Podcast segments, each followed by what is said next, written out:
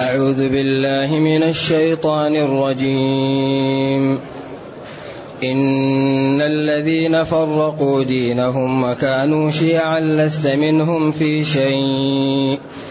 إنما أمرهم إلى الله ثم ينبئهم بما كانوا يفعلون.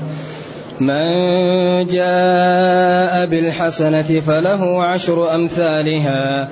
ومن جاء بالسيئة فلا يجزى إلا مثلها وهم لا يظلمون.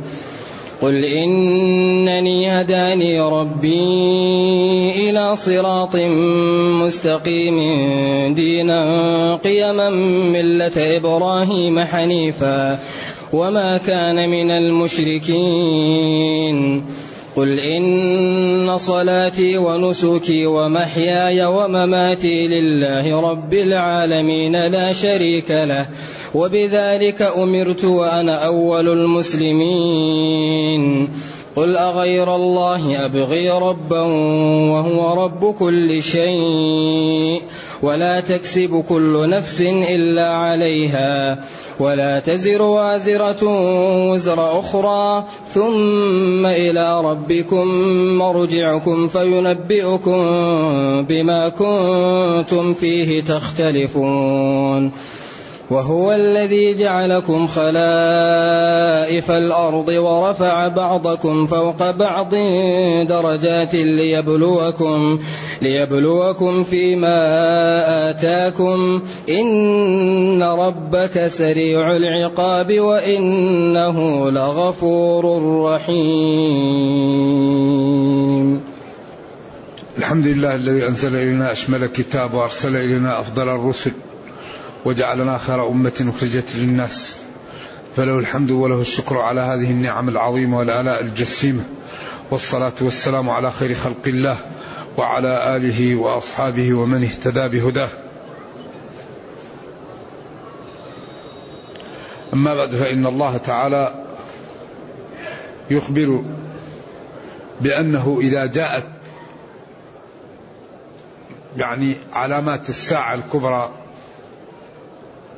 أو مات الإنسان على الكفر أو أيقن أيقن بالهلاك لا تقبل التوبة. نعم.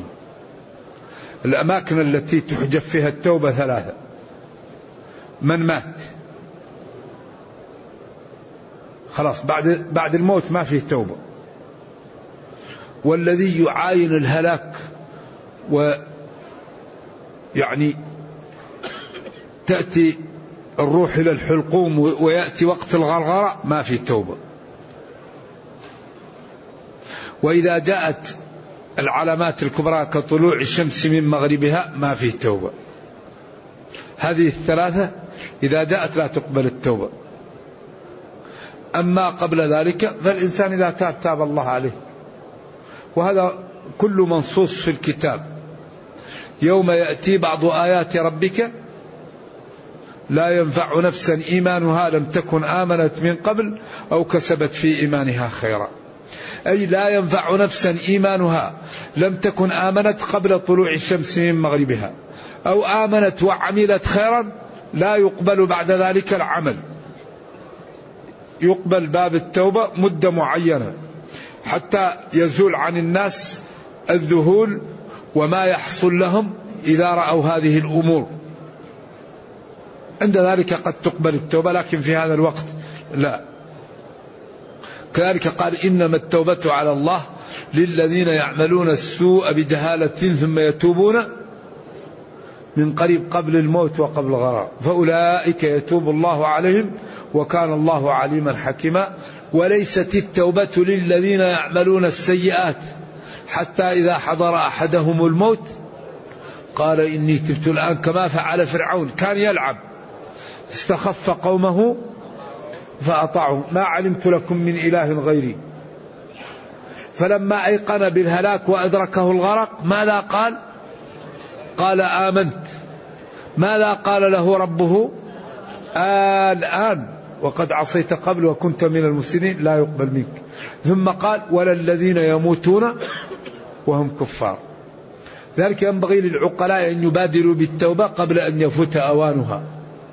نعم. بعدين قال قل انتظروا إنا منتظرون. انتظروا هذا فيه نوع من التهديد والتخويف وفيه أيضا انتظار العاقبة لمن؟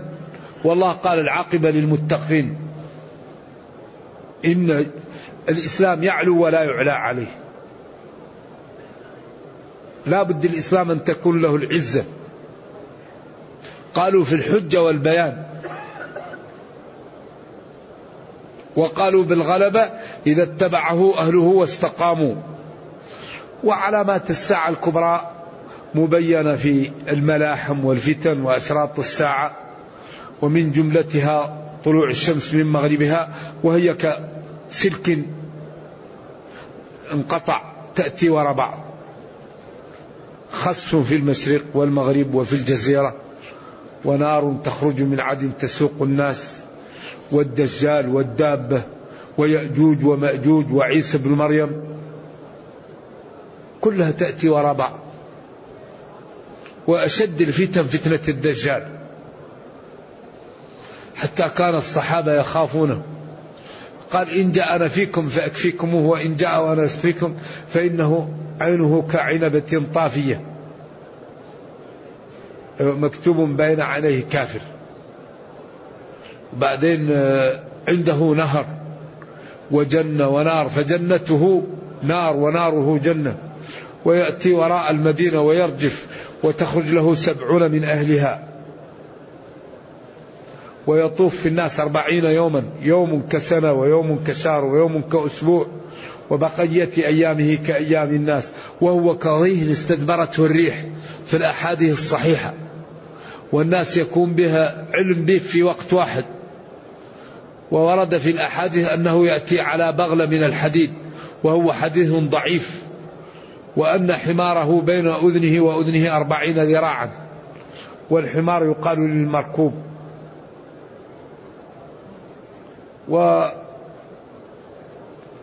والحقيقة الذي ولد قيامته كأنها قامت. لأن الإنسان إذا مات قامت قيامته. فنحن كل واحد منا إذا الله المستعان مات جاءت قيامته ومتاع الدنيا قليل فينبغي لكل واحد أن يستعد وأن ينجو بنفسه. يقول تعالى إن الذين فرقوا دينهم وكانوا شيعا لست منهم في شيء. إن حرف توكيد. الذين جمع الذي. فرقوا اختلفوا يهودي ونصراني. وأقسام اليهودية وأقسام النصرانية. المجوسي البوذي الهندوسي. أو إن الذين فرقوا دينهم من أهواء من الأهواء والبدع المعتزلة والحرورية والخوارج والمرجئة. وأقسام الروافض غلاة ومتوسطون وخفيفة. كانوا شيعا أحزابا وأقساما لست منهم في شيء هؤلاء. ذلك ورد أن اليهود افترقوا والنصارى افترقوا أن هذه الأمة ستفترق إلى 73 فرقة وأنها ضالة وكلها في النار إلا واحدة. والحديث فيه كلام ولكن كثير من أهل العلم يقولون أقل درجاته أن يكون صالحا. قال من هي؟ قال هي ما عليه أنا وأصحابي. لذلك الجماعة يد الله على الجماعة. تركتكم على المحجة البيضاء ليلها كنهارها.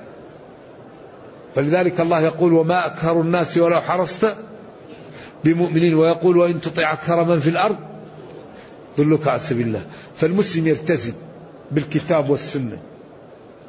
مالك يقول لن يصلح آخر هذه الأمة إلا بما صلح به أولها. الاتباع الاتباع. لذلك الذي يضر الابتداع. إنسان يتبع ما أنزل إليه. لا يأتي بأدعية من نفسه. لا يأتي بصلاة من نفسه. لا يأتي بصوم من نفسه. يأتي بما جاء. في الشريعة غنية. في, في, في, الشريعة غنية بما ورد عما لم يرد. ولذلك البدع هي تهدم الدين. والبدع هو الإتيان بأمور شرعية وجعلها السنة وهي لم ترد عن الله. والعبادة من الله. أصلا قال العلماء العبادات غير معقولة المعنى. لذلك لا يقاس على العبادة. مثلا بعض البلدان يكون بعيد من الكعبة فيعملوا كعبة ويعملوا طواف. كيف تعملوا كعبة؟ والله ما قال لكم هذا. قال وليطوفوا إيش؟ بالبيت العتيق. وقالوا فولي وجهك شطرة مسجد الحرام. هذا أمر من الله. وليطوفوا. هذه صيغة أمر مضارع مجزوم بلام الأمر. في بعض البلدان يأتوا لبعض الأضرحة ويضع عليه قباب ويكون الناس يرموا الزهور ويطوفون. وبعدين بلاد إسلام ومليئة بالعلماء. طيب من أين هذا الطواف بهذا القبر؟ من أين؟ الطواف بالكعبة. والطواف أمر من الله وليطوفوا ركن من أركان الحج طواف الإفاضة. وركن من أركان العمرة الطواف بالبيت. إذا واحد يأخذ قبر ويطوف عليه من أين لك هذا؟ إذا مات ابن آدم انقطع عمله. إلا من من ثلاث دعوة صالحة أو مال أو أو صدقة أو علم ينتفع به. طيب هل هل في نص آية أو حديث أن القبور يسأل الحو... تسأل الحوائج منها؟ هل في أنها يطاف بها؟ الطواف مثل الصلاة. لا يطاف إلا بالمحل اللي أمر الله أن يطاف به. فإنه عبادة. فإذا طفت على أي أساس تطوف بمحل؟ من أين لك الدليل على أن تطوف بغير الكعبة؟ لذلك لا بد للمسلمين أن يتعلموا. إذا تعلمت تعرف ما البدعة ما السنة بما يتعبد الله. الله يتعبد بما شرع. ما يت... لا يجوز أن يتعبد الله بأمور تخترعها من نفسك. الصلاة الصوم الحج الأذكار الدعاء الاستغفار الصدقة. أما تجعل دعاء من نفسك وتجعل السنة لا الله قال ادعوني أستجب لكم. الآن تجد بعض الناس في الطواف دعاء الشوط الأول دعاء الشوط الثاني دعاء الشوط الثاني. من أين هذا جاء؟ هذا لا يكون إلا إذا كان الطائف غير متعلم وعمل له. طالب علم دعاء يدعو به يعلم أن هذا ليس بسنة أما إذا عمله سنة فهو بدعة. لأن الله يقول ادعوني أستجب لكم. لذلك الذي يريد أن يطوف يطوف وما يريد يطلب حاجته يطلب سؤله لله. إلا بين المقامين. يعني الركن اليماني والركن الثاني اليمانيين. تقول بينهم؟ ربنا أتنا في الدنيا حسنة وفي الآخرة حسنة وقنا عذاب هذا اللي ورد. أما كل الأدعية الثانية الواردة لم ترد أو على الصفا. يكبر ويقول إن الصفا والمروة من شعائر الله. لا إله إلا الله وحده أنجز وعده ونصر عبده وهزم الأحزاب وحده. أما هذا دعاء الشوط الأول الشوط الثاني الشوط الثالث من أين هذا؟ يا أخي أنت جاي تريد أن تغفر ذنوبك وأن تطيع ربك أسأل حاجتك لله. اللهم ارزقني الجنة. اللهم ارزقني الاستقامة اللهم اصلحني اللهم اصلح لي ذريتي اللهم ارزقني حلالك اللهم قوي المسلمين اللهم وحد صفوفهم اللهم ارد عنهم كيد أعدائهم أسأل بما تشاء. أما أدعية وكلها وماسك وهو في في ازدحام ينظر كأن هذه عبادة. هذه مشكلة. هذا ما ورد. ذلك ينبغي لمن يريد أن يقوم بعبادة أن يتعلمها قبل أن يبدأ بها. لا يستعجل. الذي يريد أن يعتمد أو يحج يأخذ كتاب ويذهب لأحد العلم ويقول له أنا أريد أن نجلس عندك أسابيع نتعلم هذه العبادة. نتعلم الحج أركانه شروطه واجباته محظوراته مبطلاته حتى نكون على بصيرة ونأخذ الدرجة إن شاء الله كاملة في الأجر. وكذلك العمرة وكذلك الصوم. أي عبادة لا بد أن نعطيها حتى نتعلمها ونؤديها تأدية تقبل منا. أما يقول أنا أريد أن نحج ويمشي بدون ما يدري يكون الحج أغلبه ناقص وأحيانا يكون فاسد. العمرة تكون ناقصة أو فاسدة. بما كنتم تعلمون إيش؟ الكتاب وبما كنتم تدرسون. سألوا أهل الذكر إن كنتم لا تعلمون. إذا هؤلاء الذين فرقوا دينهم وكانوا شيعا جماعات لست منهم في شيء. إنما أمرهم إلى الله يوم القيامة ثم يخبرهم بما كانوا يعملون. إذا ينبغي أن ننضوي تحت السنة. ينبغي أن نلتزم بالسنة. ينبغي أن نجرد نفوسنا وعقولنا لربنا ولشرعه. لا نقول شيخي قال أبي قال جدي قال في المذهب قال عندنا كلا لا. اتبعوا ما لا. اتبعوا ما أنزل إليكم. ما أنزل ما أنزل. ما قال اتبعوا الشيوخ اتبعوا الآباء. اتبعوا المذهب لا. اتبعوا ما أنزل إليكم. فإن تنازعتم في شيء إلى الله والرسول. تركت فيكم ما إن تمسكتم به لن تضلوا بعدي. هذا هو. أما عند التطبيق الإنسان إذا أخطأ يسامح. كلكم خطاؤون وخير الخطائين تواب لا يسلم أحد من الخطأ. لكن ينبغي أن, أن نجعل المنهج سليما. نجعل المنهج سليم. ولذلك النصوص معصومة وأقوال العلماء مباركة لكنها لا تصل إلى درجة العصمة. أقوال العلماء أحسن من آرائنا وأفضل وأعلم وأتقى. وأفهم لكن النص معصوم. إنما أمرهم هؤلاء إلى الله ثم يخبرهم يوم القيامة بما كانوا يعملون. ثم قال جل وعلا من جاء بالحسنة فله عشر أمثالها هذا باب من أبواب جمال هذا الدين وكرم ربنا وحسن لطفه بنا لما جعل أعمارنا قصيرة وركبت فينا الشهوة وخلقنا في ضعف ولا نتماسك. جعل الحسنة بعشر أمثالها. إلى سبعمائة ضعف. إلى أضعاف لا يعلمها إلا الله. ومن جاء بالسيئة فلا يجزى إلا مثلها. والحال أنهم لا يظلمون. كل واحد يعطى حقه كاملا ولا ما في أحد يظلمه الله. إن الله لا يظلم الناس شيئا.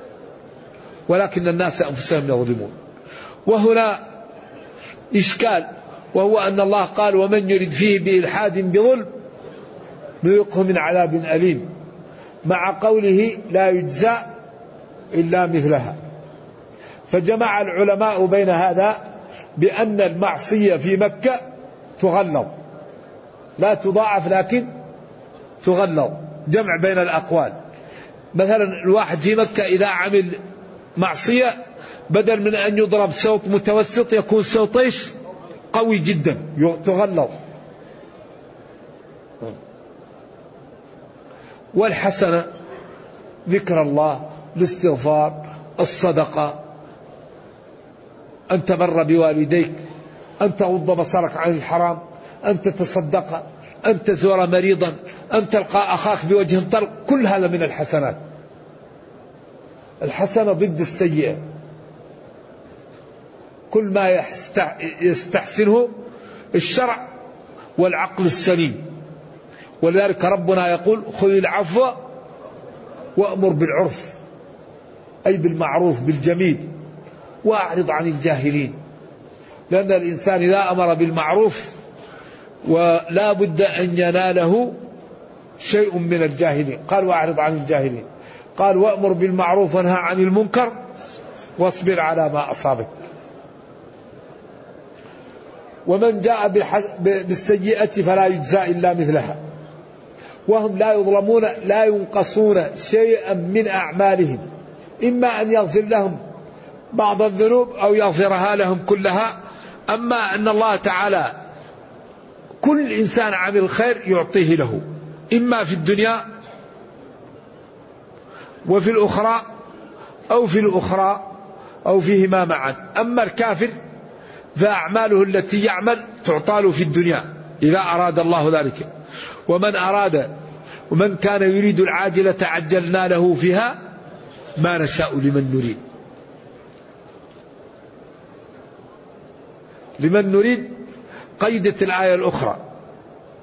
نوفي لهم أعمالهم فيها وهم فيها لا يبخسون. أولئك الذين ليس لهم في الآخرة إلا النار. هؤلاء الكفار. ومن أراد الآخرة وسعى لها سعيها وهو مؤمن. لابد وهو مؤمن. متصف بالإيمان. فأولئك كان سعيهم مشكورا. وهم هؤلاء لا يظلمون لا ينقصون شيئا. ولذلك هذا الكتاب لا يغادر صغيرة ولا كبيرة إلا أحصاها. ووجدوا ما عملوا حاضرا ولا يظلم ربك أحدا. والله لا عذر بعد هذا البيان وهذا الإيضاح. فكل واحد على قدر عمله وهمته ونشاطه يجد الأجر. لذلك الدنيا ما فيها تمايز. التمايز الحقيقي يوم القيامة يوم يجمعكم ليوم الجمع. ذلك يوم التغامن. شوف أصحاب الغرف تراهم مثل مثل النجوم مثل القمر والسماء ينظر إليهم. وناس عياذا بالله في الحضيض. قل لهم يا نبي إنني هداني ربي إلى صراط مستقيم إلى محجة بيضاء دينا دينا يمكن بدل من إلى صراط مستقيم هداني صراطا. فإلى صراط في محل نصب. دينا بدل منها وعطف بيان. قيما أو قيما لا اعوجاج فيه. ملة إبراهيم أيضا. الدين القيم هو ملة إبراهيم. حنيفا مائلا عن الشرك. مستقيما على الحق. وما كان من المشركين. أيوه. هذا هو دين إبراهيم وهو الذي أمر نبينا أن يتبعه. أن اتبع ملة إبراهيم.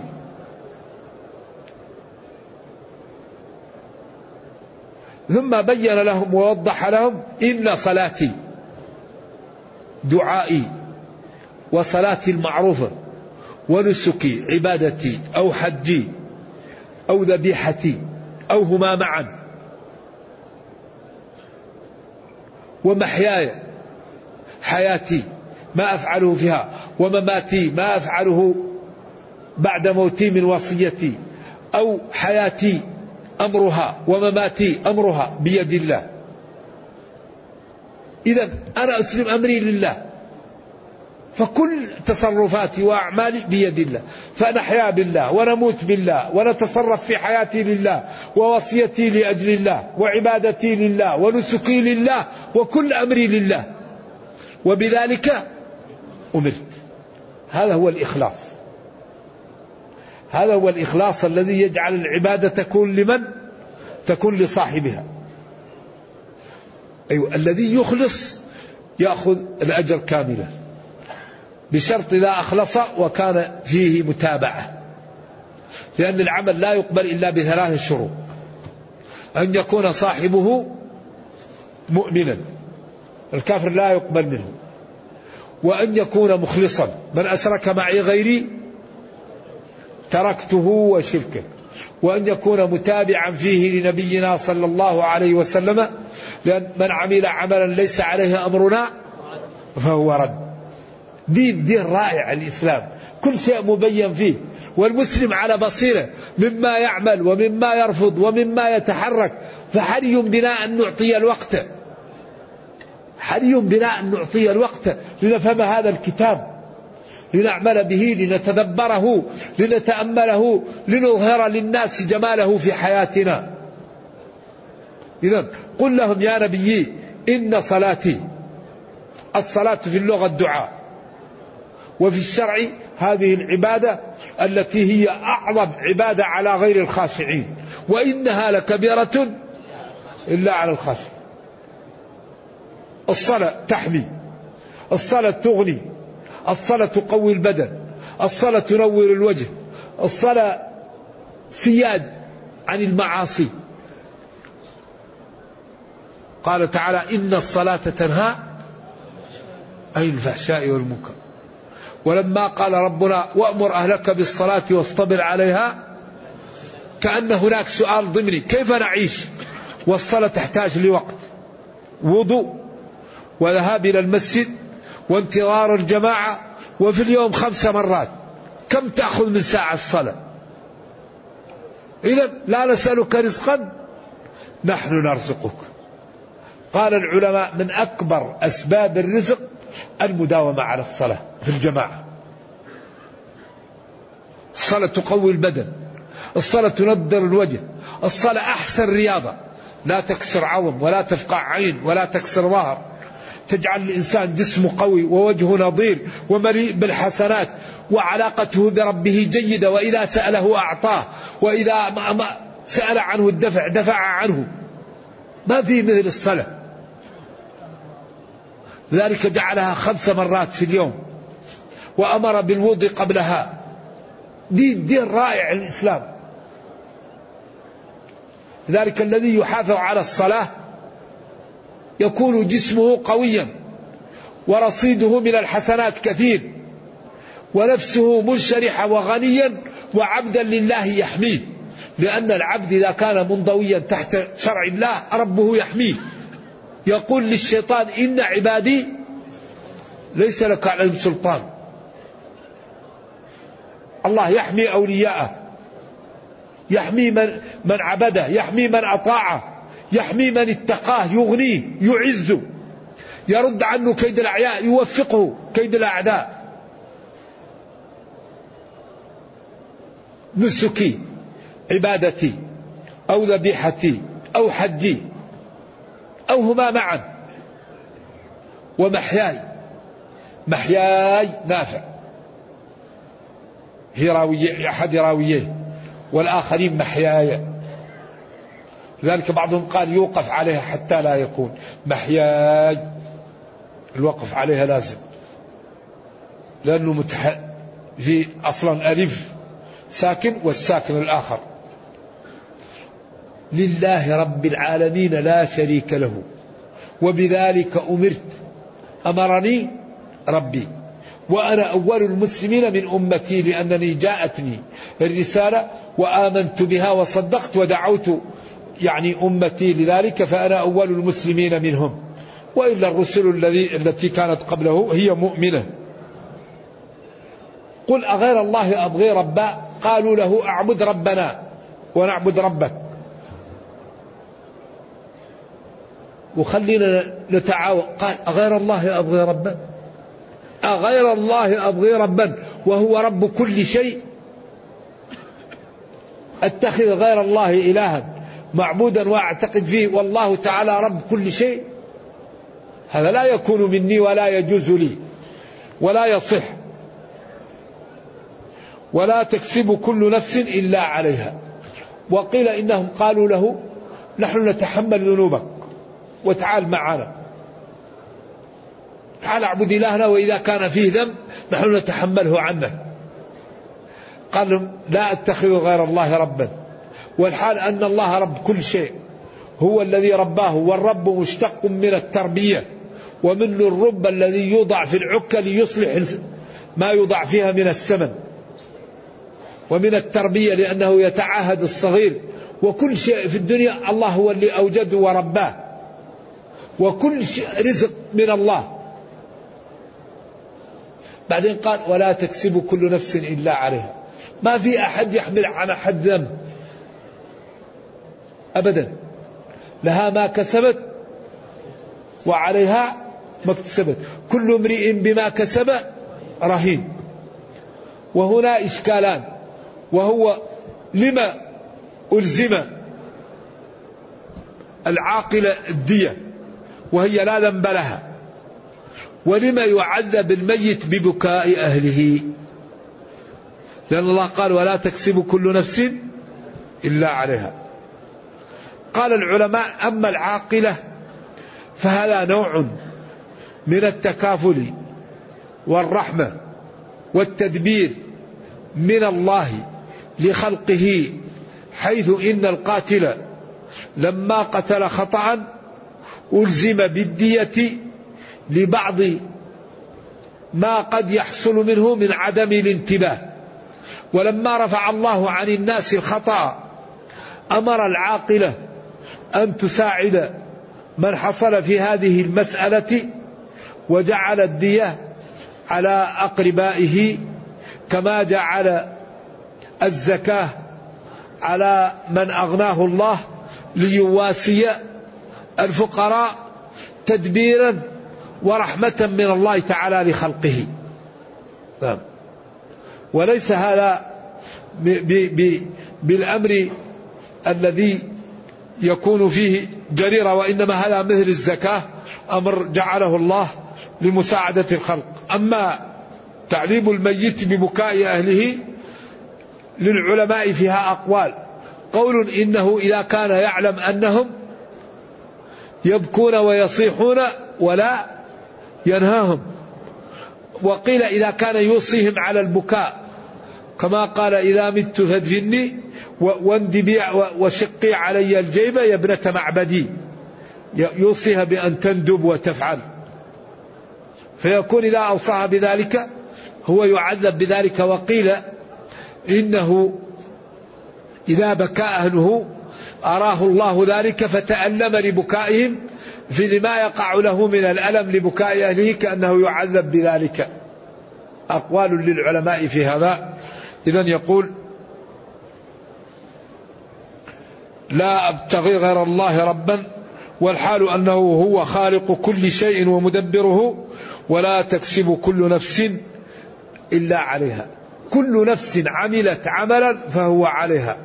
ولا تزر وازرة لا تحمل نفس ذنب نفس أخرى. وإنما كل نفس بما كسبت رهينة. إلا أن الله تعالى أكرم بعض الأقرباء إذا كانوا في مكانة كبيرة وأبناؤهم في مكانة صغيرة ألحقوهم بهم ولم ينقصوا هؤلاء. والذين آمنوا واتبعتهم أيوة ألحقنا بهم ذريتهم. وما ألتناهم وما نقصناهم من عملهم من شيء. نعم. ذلك قد ينفع الله الآب الأبناء بصلاح الآباء ويلحقهم بهم كرامة لهم. نعم.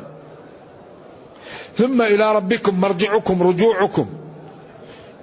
أيوة يوم القيامة. فيخبركم بما كنتم فيه تختلفون وتظهر الحقائق.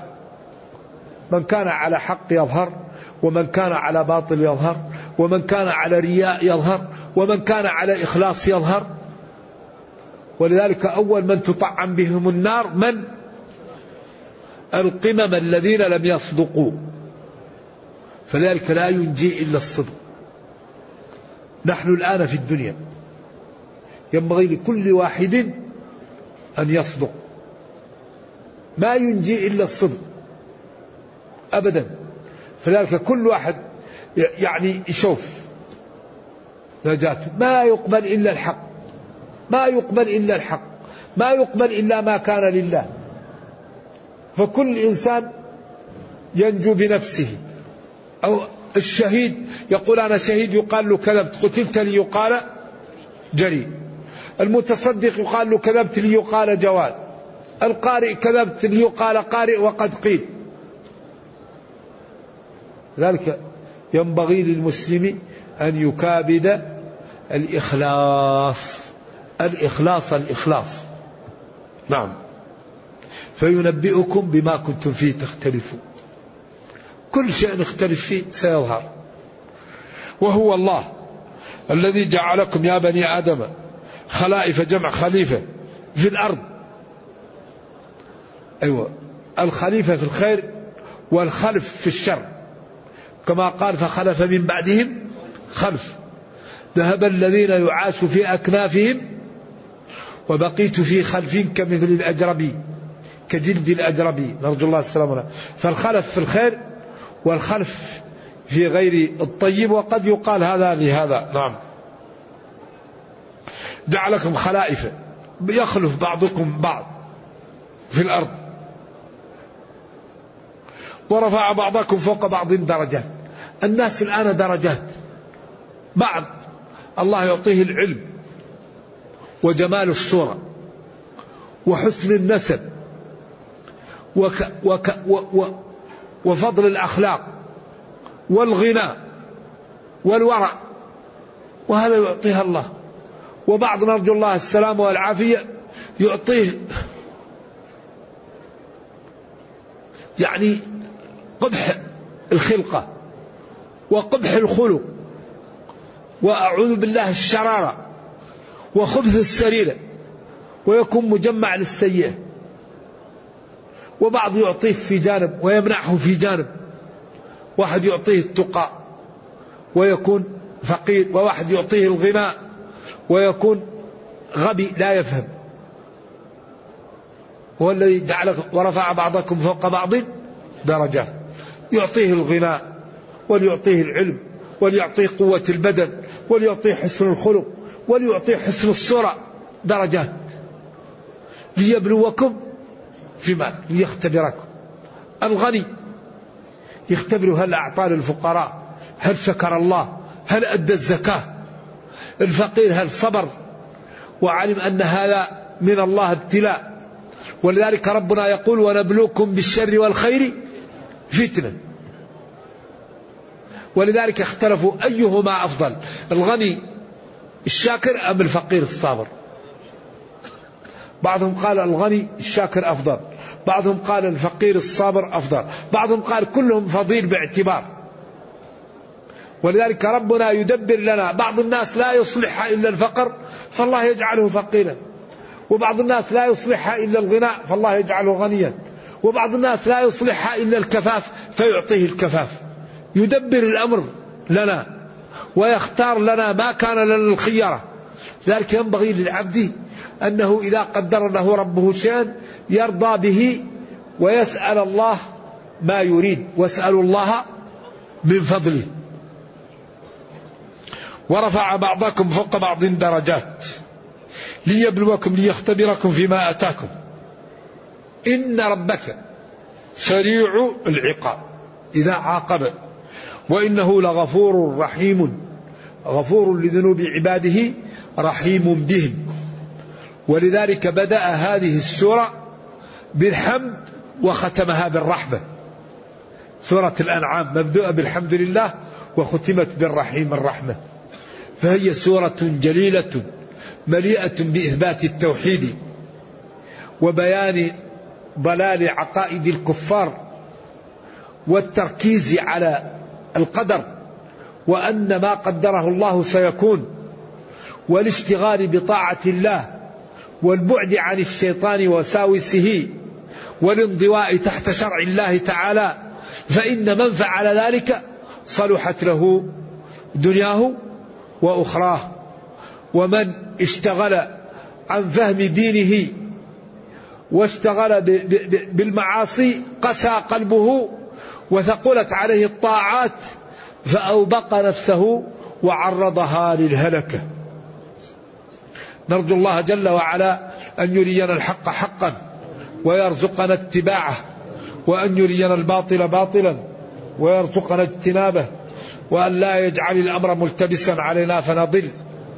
كما نسأله أن يرحمنا ويتجاوز عن سيئاتنا وأن يجعلنا وإياكم من المتقين. إنه خير مسؤول والقادر على ذلك. وصلى الله وسلم وبارك على نبينا محمد وعلى آله وصحبه. والسلام عليكم ورحمة الله وبركاته. ربما نغير وقت الدرس ومكانه إذا دخل رمضان.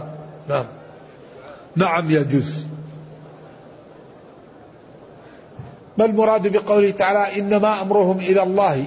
يعني الشيع هنا ليس المقصود بها إنما مقصود بها شيع كل فرقة. هؤلاء يتبعون كذا وهذا شيع شيعا أي فرقا. نعم. هل قصد أنه لا يجوز الحكم عليهم بالفسق؟ يحكم على الفاسق. بفسقه إذا كان فاسق. في أعمال صاحبها يكون فاسقا. لا شك أن الذي يسب أبا بكر وعمر أنه فاسق. لأن هؤلاء مزكون من الله. والذي يسب عائشة قال مالك إنه كافر.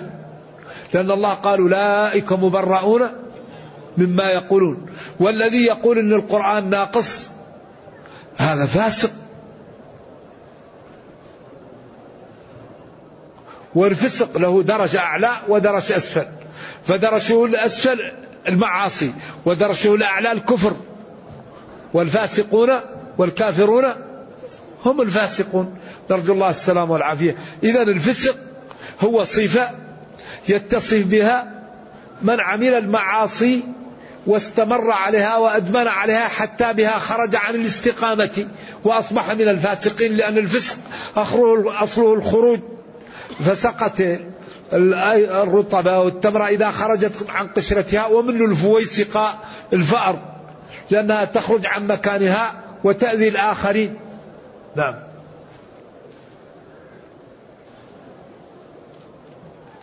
وعلى كل حال من عمل عمل الفسق هذا فاسق والأمور موضحة والشريعة كاملة. اليوم أكملت لكم دينكم كل شيء مبين. خذ العفو وأمر بالعرف. أليست هو العرف المعروف عند العوام؟ لا العرف الجميل. خذ العفو السهل من أخلاق الناس. لا تحمل الناس ما لا تطيق. وأمر بالعرف أي بالمعروف من الشرع. مكارم الأخلاق حسن العادات أن يبر الإنسان بوالديه أن لا يكذب أن يحفظ إخوانه في غيبتهم أن يساعد الفقير. أن يصلح ذات البين أن يزور المريض أن ينفق على اليتيم أن ينفق على الأرملة. العرف المعروف الحسن. نعم.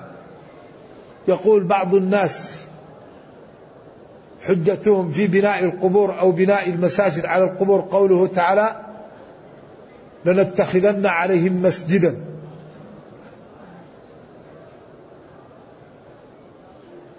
ما جواب الشيخ على هذا؟ أولا هذا في حكم من قبلنا. لنتخذن عليهم مسجد ما هم أصحاب الكهف. ونبينا صلى الله عليه وسلم قال لعن الله اليهود والنصارى اتخذوا قبور أنبيائهم مساجد يحذر ما صنعوا. يحذر ما صنعوا. ونهى عن جعل المساجد عند القبور. ونهى عن الصلاة في مسجد فيه القبور. أيوة هذا ليس هذا. نعم. يقول الذي جاء ليصلي وأراد أن يصلي تحية المسجد فأقام الإمام. إذا استطاع أن يتم الصلاة قبل أن يكبر الإمام يتم ويخفف. وإذا كان يفوت عليه جزء من الصلاة لا صلاة إيش؟ إذا أقيمت الصلاة فلا صلاة إلا المكتوبة. بعضهم قال لا صلاة مبتدأة وبعضهم قال لا صلاة هذا تنفي حقيقة الصلاة. إذا تقطع الصلاة وتدخل مع الإمام. وهذا الأولى. وما يفعله بعض الأحبة حيث يأتون والإمام يقرأ ويترك القراءة مع الإمام ويصلي تحية ركعتي الفجر. فالأولى أنه يؤخر ركعتي الفجر ويدخل مع الإمام فإذا سلم الإمام إن أراد أن يقضيها بعد الصلاة ففي السنن ما يدل على ذلك وهو حديث أقل درجاته الصلوح. وإن أراد أن يؤخرها حتى تطلع الشمس فيصليها له ذلك. أما الاستمرار في صلاة ركعتي الفجر والإمام يصلي وإن قال به جلة من العلماء فالنص الصريح يخالفه وكل واحد من الأئمة صح عنه إذا صح الحديث فهو مذهبي. وقد صح الحديث في أنه لا صلاة إيش؟ إذا أقيمت الصلاة. نعم. أن هذا المعنى ثابت إن شاء الله فينبغي للمسلم إذا أقام أقيمت الصلاة فيدخل مع الإمام ويؤخر ركعتي الفجر حتى يسلم الإمام. فإن أراد أن يصليهما بعد الفجر مباشرة فله ذلك لأن فيه نص آه الصبح أربعا قال لا وإنما عاجلت لي الفريضة فأقره على ذلك. وأقل درجاته الحسن. أو يتركها حتى تطلع الشمس ويصلي ما شاء له ومن جملتها ركعتي الفجر. نعم. ما حكم صلاة التسابيح؟ من العلماء من يصححها ومنهم من يضعفها. نعم. يقول إنه جاء من بلد وأولاده في بلد آخر ما لا يفعل بصدقة الفطر. أنت في سعة. إن أردت أن تقول لهم يخرجون هناك عنك وعنهم. وإن أردت أن تخرج هنا عنك وعنهم. وإن أردت أن يخرجوا هم عن أنفسهم هناك وأنت تخرج عن نفسك هنا. فالأمر سهل الحمد لله. وفيه سعة. ما حدود اللحية الواجبة. تركها على كل الوجه. لازم أم على بعضها كاف لأداء الواجب. اللحية منبت الشعر في الوجه في اللحيين. أيوة.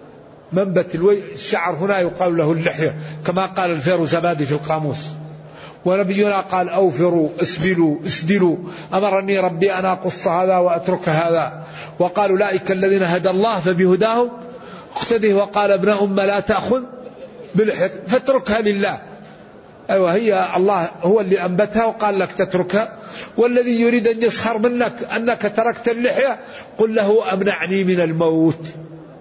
الذي يريد أن يسخر من أهل اللحاء يمنع نفسه من الموت. قل إن الموت الذي تفرون منه. نعم والله يبلونها قال أنبت للرجال اللحاء وقال أوفروها أسبلوها أسبلوها. فالواحد يتركها لوجه الله. نعم وبعدين يعني هذه ابتلاءات. قل هل جاءت هذه الآية في صلاة الافتتاح؟ قل إن صلاتي ونسكي ومحياي وقوله بدل وأنا أول مسلم وأنا من المسلمين. الله أعلم. إلا من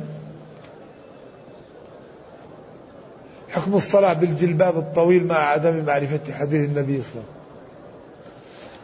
الصلاة ينبغي لمن يريد أن يصلي أن يستر عورته. وينبغي أن يأخذ أحسن ثيابه عند الصلاة. خذوا زينتكم. والأمر والمرأة ينبغي أن تستر كل جسمها. إلا الوجه في الصلاة. تكشفه.